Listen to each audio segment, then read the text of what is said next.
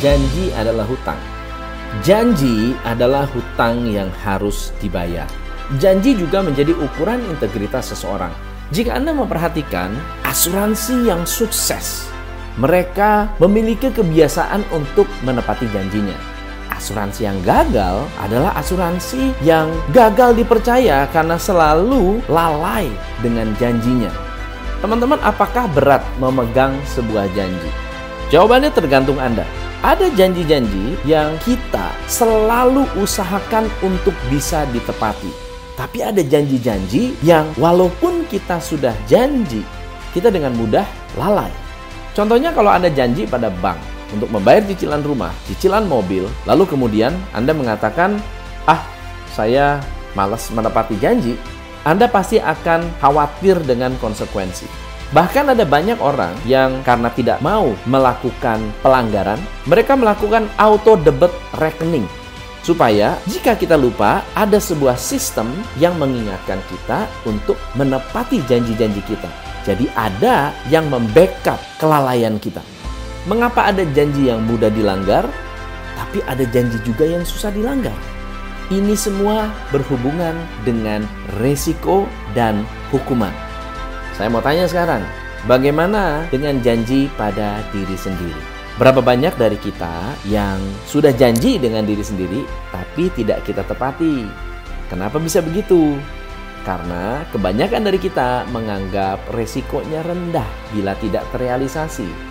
Tidak ada yang marah, tidak ada yang memberi hukuman, tidak ada konsekuensi, tidak akan ada yang menegur, dan makin lama kita semakin mudah berjanji dan mudah juga untuk tidak menepati.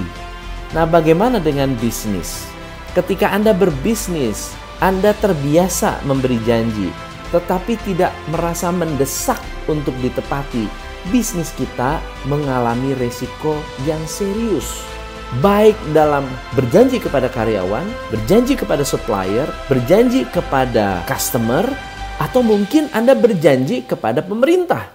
Hubungan dengan leadership, semakin Anda sering menepati janji Anda, reputasi Anda semakin bagus. Leadership Anda semakin direspek. Tim Anda akan semakin hormat kepada kita. Ada orang yang bernama Bernie Madoff.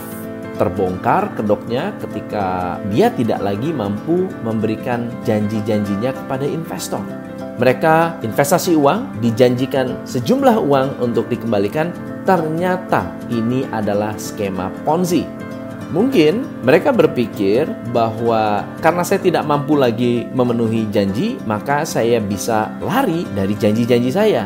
Ternyata tidak seperti itu. Teman-teman, dalam berbisnis, apa pun yang Anda janjikan, apa pun yang Anda komitmenkan, anda harus upayakan untuk dipenuhi semaksimal mungkin. Janji yang terbesar yang sebetulnya Anda sudah miliki adalah visi Anda untuk bisnis. Berapa banyak dari bisnis di luar sana yang nggak punya visi, yang tidak tahu ke mana arah bisnis mereka. Mereka tidak mampu berjanji untuk diri mereka sendiri, untuk bisnis mereka, dan tidak memiliki visi sama sekali. Dan akhirnya tidak ada panduan untuk memenuhi janji-janji bisnis mereka. Misi adalah salah satu janji bisnis untuk membuat bisnis Anda berkembang, untuk membuat bisnis Anda bertumbuh, dan untuk membuat bisnis Anda memiliki arah Berapa banyak bisnis owner di luar sana yang mudah lalai janji kepada supplier tetapi memenuhi kebutuhan customer? Ada yang sebaliknya, lebih takut sama supplier daripada kepada customer. Banyak juga pengusaha yang lebih takut kepada customer daripada kehilangan karyawan atau sebaliknya, lebih takut kehilangan karyawan daripada kehilangan customer.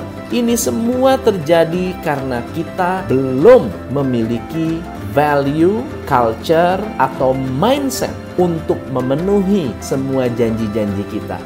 Ada baiknya mulai hari ini Anda menuliskan semua janji-janji yang pernah Anda ucapkan, tetapi karena satu dan lain hal belum terpenuhi.